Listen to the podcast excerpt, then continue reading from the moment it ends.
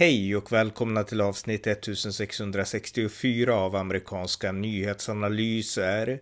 En konservativ podcast med mig, Ronny Berggren, som kan stödjas på swishnummer 070-30 28 95 0.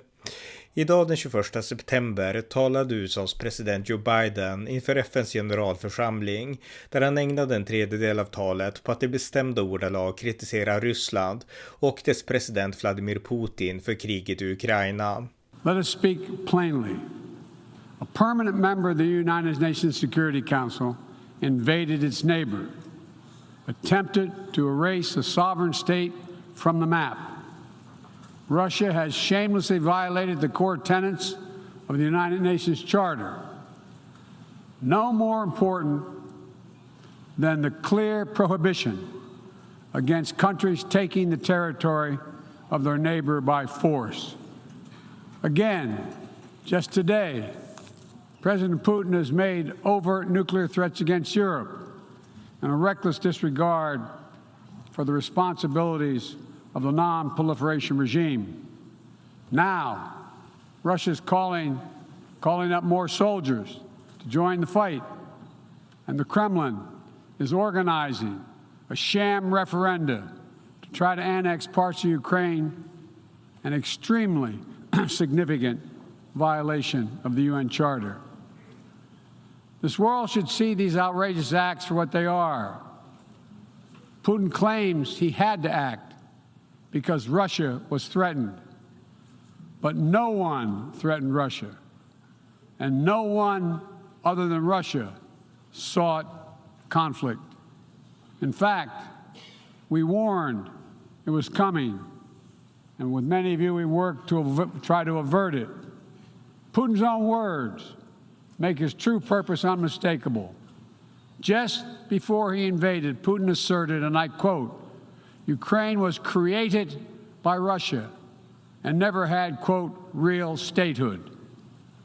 And now we see attacks on schools, railway stations, hospitals, one on centers of Ukrainian history and culture. In the past, even more horrifying evidence of Russia's atrocity and war crimes. Mass graves uncovered in Izium, bodies according to those who um, excavated those bodies, showing signs of torture.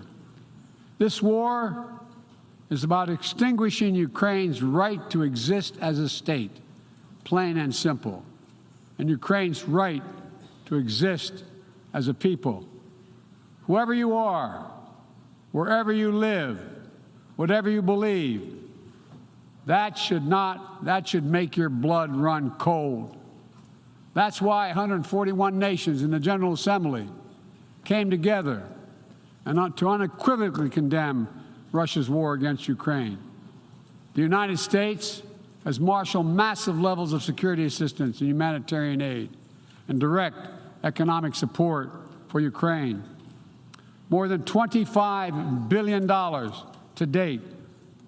Our allies and partners around the world have stepped up as well. And today, more than 40 countries represented in here have contributed billions of their own money and equipment to help Ukraine defend itself. The United States is also working closely with our allies and partners to impose costs on Russia, to deter attacks against NATO territory, to hold Russia accountable for the atrocities and war crimes. Because if nations can pursue their imperial ambitions without consequences, then we put at risk everything this very institution stands for. Everything. Every victory won on the battlefield belongs to the courageous Ukrainian soldiers.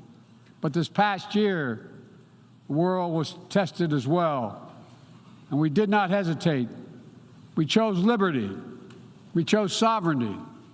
We chose, we chose principles to which every party to the United Nations Charter is beholding. We stood with Ukraine Här samtalar jag med journalisten Pelle Zackrisson om Bidens tal och den allt mer eskalerande retoriken. Varmt välkomna! Pelle Zackrisson, välkommen! Tackar.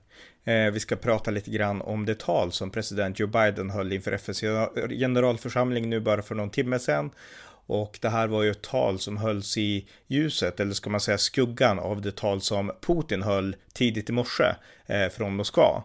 Och Putin talade då, jag gjorde en podd om det tidigare idag ska sägas då, men Putin talade då om kärnvapen och han pratar om att nu ska Ryssland mobilisera 300 000 reservister för att kämpa i Ukraina och, eh, och sådär. Och eh, det kändes lite grann som att Bidens tal inför FN, det var nästan en, en slags respons på Putins tal. Eh, ja, alltså talet i FN var ju planerat från Bidens håll. Det, som jag förstår det, det, det var inget, det är ett tal som var planerat. Man har ju möten eh, i eh, FNs generalförsamling eh, under veckan. Men eh, ja, absolut, det, han inledde talet med en, en kraftfull, eh, ett kraftfullt svar på, på Putins eh, uttalande. Mm. Och han nämnde då att, eh, ja, att Putin hade återigen hotat med kärnvapen och sådär. Men eh, det här var, för jag spelade inledningen ska sägas också, du har inte hört det, men jag har spelat klipp redan av, mm. av Bidens tal inför FN då. Så att det man i klippen som ni som lyssnar har hört nu, där är ju Biden väldigt tydlig. Han är väldigt, alltså bestämd i sitt fördömande av Ryssland och jag tyckte att det var väldigt upplyftande att höra det. Jag tycker att det han, det han gjorde, det var att han i, eh, han tog fasta på den amerikanska exceptionalismen. För han pratade i talet om att eh, det handlade om att eh, USA kommer att stå upp mot att han sa i princip att USA kommer att ta fighten mot Ryssland och alla länder som är villiga att jobba med, alltså mot, för demokrati och så vidare, så, så är USA en villig partner att samarbeta med. Så, mm. Och det här är ju den amerikanska eh, hegemonin, eh, idén om amerikansk exceptionalism, att USA är en, är, är världsleder den liberala eh, världsdem... Eller, De leder ja. the good guys. ja, ja, men precis. Alltså det är, det, det är um, upprätthåller en del använder ju lite, vänsterliberaler använder ibland det nedlåtande uttrycket världspolis. Va? Mm. Men, men essentiellt är det vad det handlar om. Och han sa då, som andra presidenter har sagt innan, just det här att om ni vill jobba mot samma mål som oss, då är vi villiga att jobba mer. lite, lite vänligare sagt än när George Bush sa någonting i stil med If you're not with us, you're against us. ja.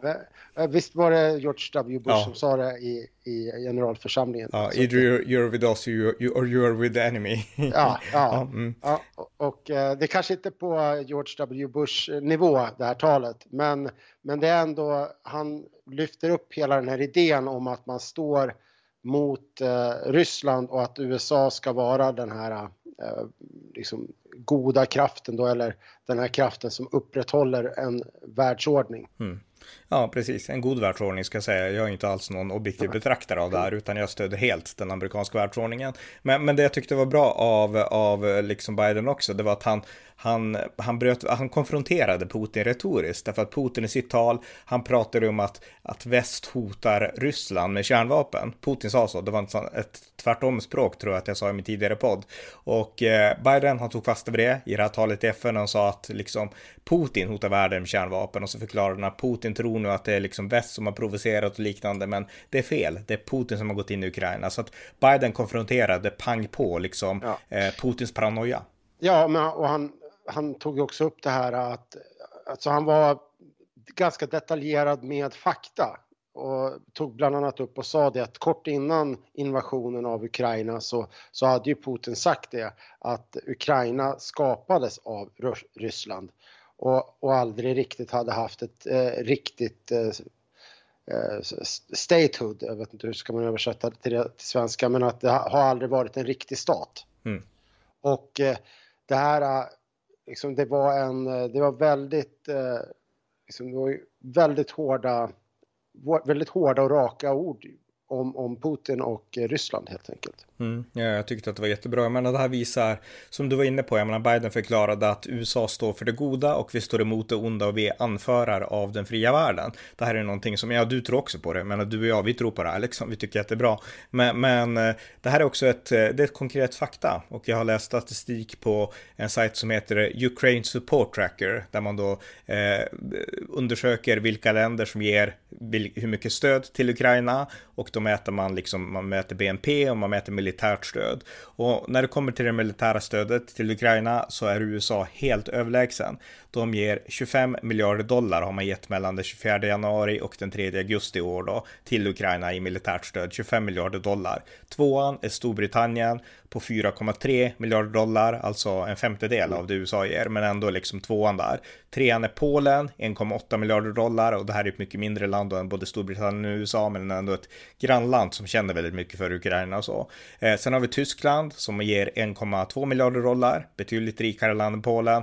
Eh, men som ändå ger mycket för att det är ett stort och liksom ekonomiskt starkt land. Sen på femte plats kommer Kanada som ger 0,93 miljarder dollar. Och Kanada är ju inte ett grannland till Ryssland, det är inte en del av Europa, men Kanada ger pengar i alla fall. Därför att om vi pratar om liksom USA så pratar vi om den anglosaxiska världen. Plats ett USA, plats två Storbritannien och sen Kanada, inte så långt ner där.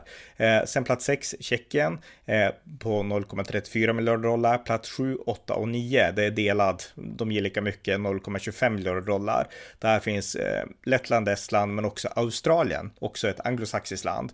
Sen Frankrike 0,23 miljarder dollar och Sverige ligger på 12 plats med 0,21 miljarder, miljarder dollar. Men, men det den här statistiken gör så intressant är att USA ger mest, sen Storbritannien, men sen har vi de här anglo anglosaxiska länderna i mixen. Jag menar Australien och Kanada, det är på helt liksom andra sidan jorden. Ändå ger de ändå ganska stort stöd till liksom Ukrainas militär och jag tycker att det, det är talande tycker jag. Ja, jag skulle kunna tänka mig att det har att göra med att man, har, man förstår vikten av att upprätthålla det här, den amerikanska hegemonin, den, den amerikanska exceptionalismen, att det är en förutsättning för att deras egna länder eh, ska fortsätta vara fria och ha den här, deras medborgare ska fortsätta ha den frihet de har. Att kunna resa runt i världen, kunna uppleva olika saker på det sätt de gör, kunna handla fritt och så vidare. Så att det, det finns ju någonstans ett egenintresse att bevara en, en amerikansk exceptionalism. Det handlar ju inte bara om att, att, ska, att man ska vara så att säga god, utan det handlar faktiskt också om att det är i deras egna länders intressen.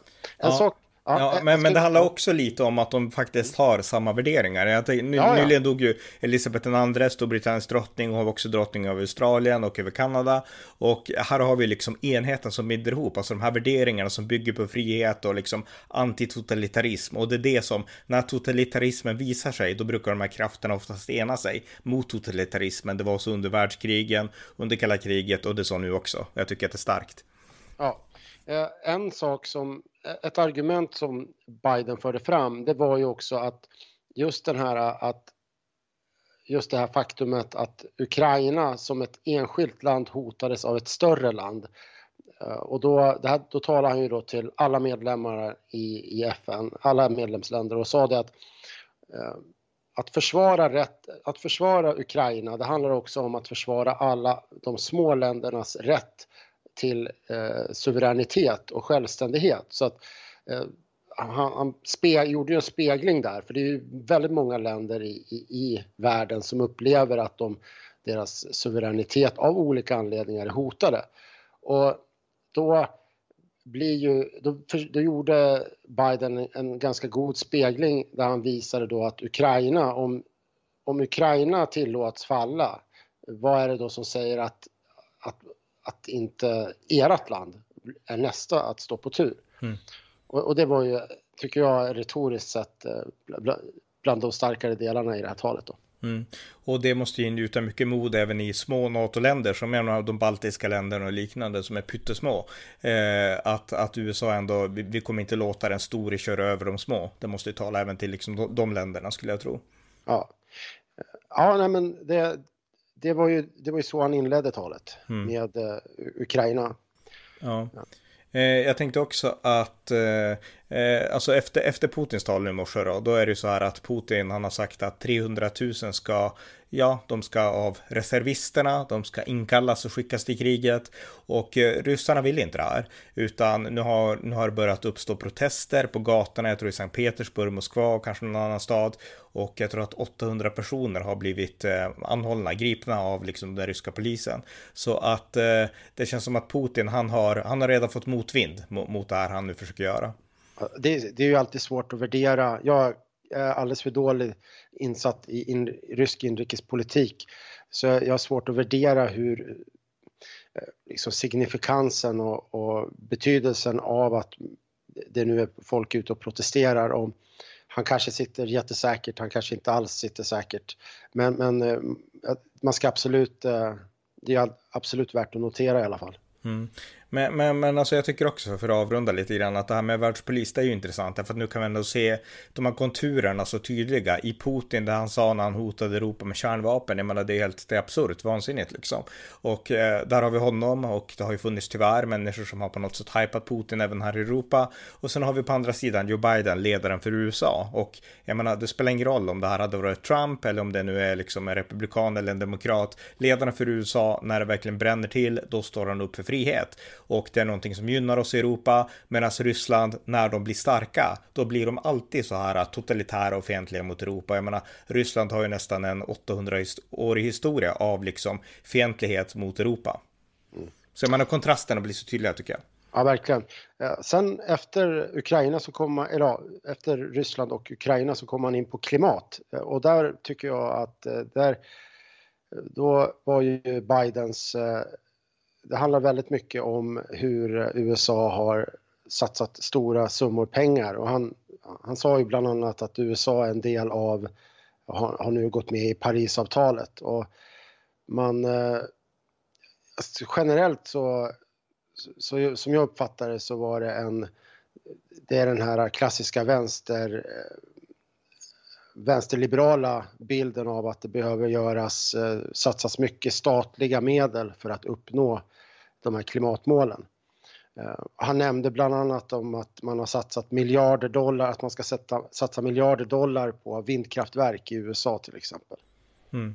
Ja, där har han ju en liberal syn. Men han sa också en sak om Iran, han var väldigt tuff. Nu tror jag att ja. Biden-administrationen driver en dålig politik mot Iran, men retoriskt var han ju hård mot Iran också. Han sa att Iran kommer aldrig att tillåtas att skaffa ja, kärnvapen. Ja, men precis. Alltså det, där, där så sa han att förvisso vill man ju återuppta det här JCPOA-avtalet, men att man också att man aldrig kommer tillåta Iran att eh, skaffa kärnvapen. Och jag tror att det var ett besked som Israel hade önskat. Vi har sett nu att Israel under, eh, nu under kvällen har jag sett att Israel, deras, eh, om det är Bennett, att han kommer att hålla ett tal och där säga att man strävar mot en två, tvåstatslösning med Palestina.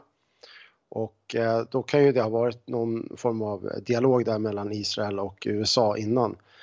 Um, för, mm. för det, det, var ju också någonting som jag tyckte var, stack ut lite grann i det här talet. Det var eh, Joe Biden då jämfört med eh, hans eh, tidigare företrädare Barack Obama. Han var väldigt tydlig med att, ta, att ställa sig bakom Israel och att man han, han, sa någonting i stil med att USA fortsätter att vara um, committed, alltså vara, stå bakom Israels säkerhet till 100 procent. Och eh, det innebär liksom, och det var det första han sa när han kommenterade Israel, det är just att Israels säkerhet är det viktigaste. Och sen så sa han också att, att palestinier har rätt till en stat, vilket i och för sig då kan säkert väcka, höja en del ögonbryn i Israel, att de undrar vad, är, vad, vad menar han med det? Men generellt så kan man ju säga att, att Biden hade en, en väldigt, eh, tog ställning för Israel, eh, stark kontrast till, till Barack Obama mm. eh, och mer, mer lik eh, Donald Trump där då. Ja, ja, men verkligen. Jag menar, Joe Biden är en av demokraternas främsta Israelvänner. Det ska komma sig ihåg. Sen så, jag menar, vi som är konservativa och vi som gillar republikanerna, vi är kritiska till det här avtalet med Iran. Men i Bidens fall specifikt så Eh, han tror verkligen att, han tror på något sätt att det här gynnar Israel. Eh, jag tror att han har fel där, men han gör det inte av något dåligt motiv, utan Biden är en genuin Israelvän, mycket mer än Barack Obama var. Och eh, jag håller helt med. Det, det, är mycket tydligare i det här talet och i alla tal Biden håller om Israel så är han mycket mer, alltså mycket mer grundinställning till att vi, vi ska stödja Israel. Så på så vis är jag ändå positivt överraskad i det här avseendet också. Mm. Han, han kom in på Kina Kina och Taiwan också en, en del och, och, där var ju hans eh, poäng att USA har ju en One China policy, det vill säga att man e, erkänner inte Taiwan som ett land utan man erkänner bara fastland Kina. Och, och där sa han att den, den linjen ligger fast. Och, men att man, jag tycker att han var, jag vet inte, jag uppfattade honom som lite, lite luddig när han pratade om just eh, pratar om just Kina och Taiwan. Han sa att man vill upprätthålla freden i taiwanesiska sundet. Alltså ja, mm. sundet där mellan Kina och Taiwan. Men att han sa, gjorde inget uttalande om huruvida, hur lång, långt han var eh, beredd att gå för att försvara då Taiwan. Eh, vilket eh, Jojo Olsson, eh, Kina-experten och Taiwan-experten har ju sagt det tidigare i, no, i din podd tror jag att, att det, det är lite grann ett sätt att man, man ska inte visa alla kort för, för, eh, för Kina. Nej, sen, sen, har ju Biden bara häromdagen, igår tror jag, då pratade han på CBS 60 minutes, eller i söndags måste ha varit. Och där sa han ju liksom att, han fick en fråga av CBS att kommer du skicka soldater till Taiwan om de blir anfallna? Ja, sa han. Och då ville, och då ville CBS liksom få det förtydligat. Menar du verkligen, vi tar det igen bara för säkerhets skull, menar du verkligen att vi, USA kommer att skicka soldater till Taiwan om de blir anfallna? Yes, sa Biden. Och sen så skickar Vita huset ut meddelande att nej, nej, nej, det stämmer inte liksom. Nej, nej, och, och det, just, det här, just det här i den här frågan har det hänt flera gånger att Biden har sagt ja, så. Och sen har ja, Vita huset fått backtracka. Men, men det här kan ju vara en del av spelet. Det behöver inte betyda att Biden är dement. Det kan betyda det. Men, men det. men det kan också vara en del av just det här. Man vill inte att Kina ska veta helt enkelt. Nej, nej, precis. Jag tror ju i och för sig att det är att övertänka det, utan jag tror att det, det där är, han bara slänger ur sig grejer som han tycker och han har glömt bort att det där ska han verkligen säga. Och apropå den intervjun i 60 minutes så Biden, det var ju väldigt mesiga frågor, men Biden däremot eh, tycker jag gav, eh, framstod ovanligt skärpt mm. och, och eh, satt ju inte och, sluddrade. Men, man... men, men, det är ändå bra, alltså, du, eller du kan fortsätta först och berätta, sa något mer intressant i det här talet i FN så kan vi göra ja, mm. ja, ja, precis. Ja, nej men eh, i det här talet till FN, jag tog lite anteckningar, han nämnde ju bland annat de här hälso Det var ju ett, lite grann ett, kan man säga, ett utrikespolitiskt tal. Alltså att man, eh, deras, den amerikanska utrikespolitiken skulle jag väl nästan säga att den, det här är Bidens, ett policytal och han pratade om eh, covid och hur man bekämpar covid och hur man bekämpar aids utomlands och sådär. Och där det, det, som är genomgripande där det är att det, det finns den här, äh, vad ska man säga, en, en vänsterinriktning, att man tror mycket på att eh, göra det med hjälp av eh, bidrag och eh, riktade stöd snarare än att, att avreglera. En, en, klassisk liberal hållning är ju Alltså högerliberal hållning är ju att man ska avreglera, man ska skapa frihandla, frihandel och så vidare. Medan Eh, det Biden pratade mycket om det var att kolla här vad vi har gjort med USA har lyckats. Eh, vi har eh, vi ska satsa x antal miljon, miljarder dollar på det här projektet och, och skapa, eh, ja, leda Parisavtalet åt det här hållet. Så mm. det var, så generellt så hade, märktes det att det var en vänsterinriktad president och i vissa delar var det skulle man väl säga att det ligger lite längre till vänster ut inom Demokraterna än vad man kanske eh, liksom, traditionellt sätter Biden då. Och då mm. framförallt när det gäller klimat. Eh, ja, men får jag bara skjuta in en sak? För det, det, här är intressant, för vi pratade nyss om att Biden var bättre i Israelfrågan än Obama. Eh, och jag, ska man göra det väldigt så här eh, övergripande enkel så kan man säga att eh, i utrikespolitiken, där är Biden mer klassisk amerikansk, mer konservativ än vad Biden var, eller än vad Obama var, men i inrikespolitiken så är det ju tvärtom. Där är Biden mer vänster, därför att nu är tiden mycket mer vänster och mer progressiv. Jag menar, Obama vågar inte alls gå liksom lika långt till vänster i sådana här frågor som Biden gör. Så att han är mer vänster i inrikespolitiken, men mer höger i utrikespolitiken, Biden. Mm. Han pratar ju också om eh, global sats, globala satsningar på infrastruktur och eh, olika projekt runt om i världen. Och då var det lite intressant för då nämnde han en så kallad att i Rumänien för då nämner man ju alltid sådana lyckade exempel på hur de här satsningarna, vad de har lett till. Och då nämnde han en SMR-reaktor, alltså en Small Modular Reactor, mini, minikärnkraftverk eh, i, i princip, som håller på att byggas i Rumänien. Och att det nämns, varenda, varenda jävla ord i ett sånt här tal är ju liksom vägt på en silvervåg. Va? Mm. Uh, och att man nämner kärnkraft som i ett positivt, uh, en, en positiv uh, andemening. Det, det, tycker jag, det betyder ganska mycket. Och här är det ju då en sån här SMR-reaktor i Rumänien. Och det, det visar ju också, tänker jag, att att Biden-administrationen börjar eh, försiktigt dra sig mot kärnkraft som någonting positivt. Mm. Ja, och eh, positivt i kampen med Ryssland om inte annat. Ja, precis. Det, det får jag väl ändå säga att det, det, det, det som saknades här någonstans, det var ju det kanske, det, det kanske var fokuset på energikriget. Mm. Som du, du pratade ju om, om det i din podd tidigare idag om energikriget mellan USA, eller förlåt, mellan resten av världen och Ryssland. Och hur viktigt det är att, det, att man hittar lösningar. Och där kanske, där kanske Biden hade kunnat vara han kanske hade kunnat presenterat någonting tydligare annat än att man bara, vi ska fixa det här. Mm. Ja, har vi något mer att säga om talet? Jag fokuserade, jag säger inte så mycket om sådana saker för jag fokuserade mest på Rysslandsbiten. Så att, men du har sett allt väldigt noga, så att, är det något ja. mer att lyfta fram tycker du? Ah, det, det sista var att det var lite knepig avslutning tycker jag. Han sa så här, tack för er tolerans, eh, för att ni lyssnade på mig. Thank you for Thank you for your tolerance. Ungefär som att man ska tolerera att lyssna på uh, den fria världens ja, men, ja, men Jag tolkar det så här, ja. tack för att ni inte somnade. Det var ungefär så jag, ja. så jag lyssnade och hörde. Ja. Som man känner sig själv känner man andra. Ja, lite så. så. Det, ja.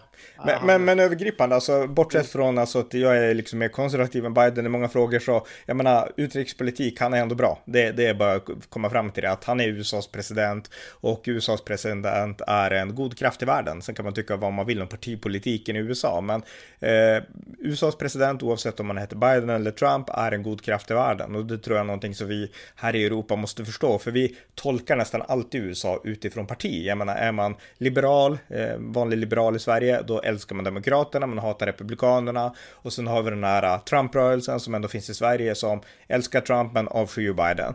Och eh, så bör man inte se USA, utan USA bör man se som en enhet, en god enhet i världen. Ja, alltså, ja, ja, jag skulle nog vilja ändå, jag skulle ändå vilja, re, vad heter det, eh, eh jag skulle vilja definiera det ännu lite tydligare och det, det, kan ju vara så här att Joe Biden är framgångsrik och har en, eh, ska jag säga, en bra politik för, för Sverige, en bra utrikespolitik i vissa frågor, som exempelvis när det gäller Ukraina, när det gäller, eh, när det gäller Ryssland. NATO. Mm. Ja, men, men sen att det bety, behöver ju inte betyda att man köper hans problemformuleringar när det gäller exempelvis då klimatpolitiken, hur den ska, hur, hur klimatet Eh, problemet med klimatet, hur det bäst ska adresseras. Nej, så exakt. Så det finns flera olika områden. Mm. Och, och eh, det är ju när det gäller den här frågan med Ryssland och Ukraina, det är väl där som han ser ut att ha fått mycket rätt. Mm, ja. Okej, men tack så mycket Pelle för den här sammanfattningen. Ja, tack.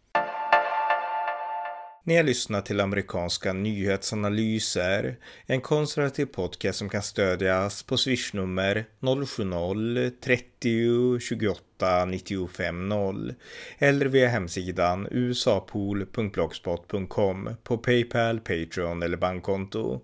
Skänk också gärna en slant till valfri Ukraina-hjälp. Det var allt för idag. Tack för att ni har lyssnat.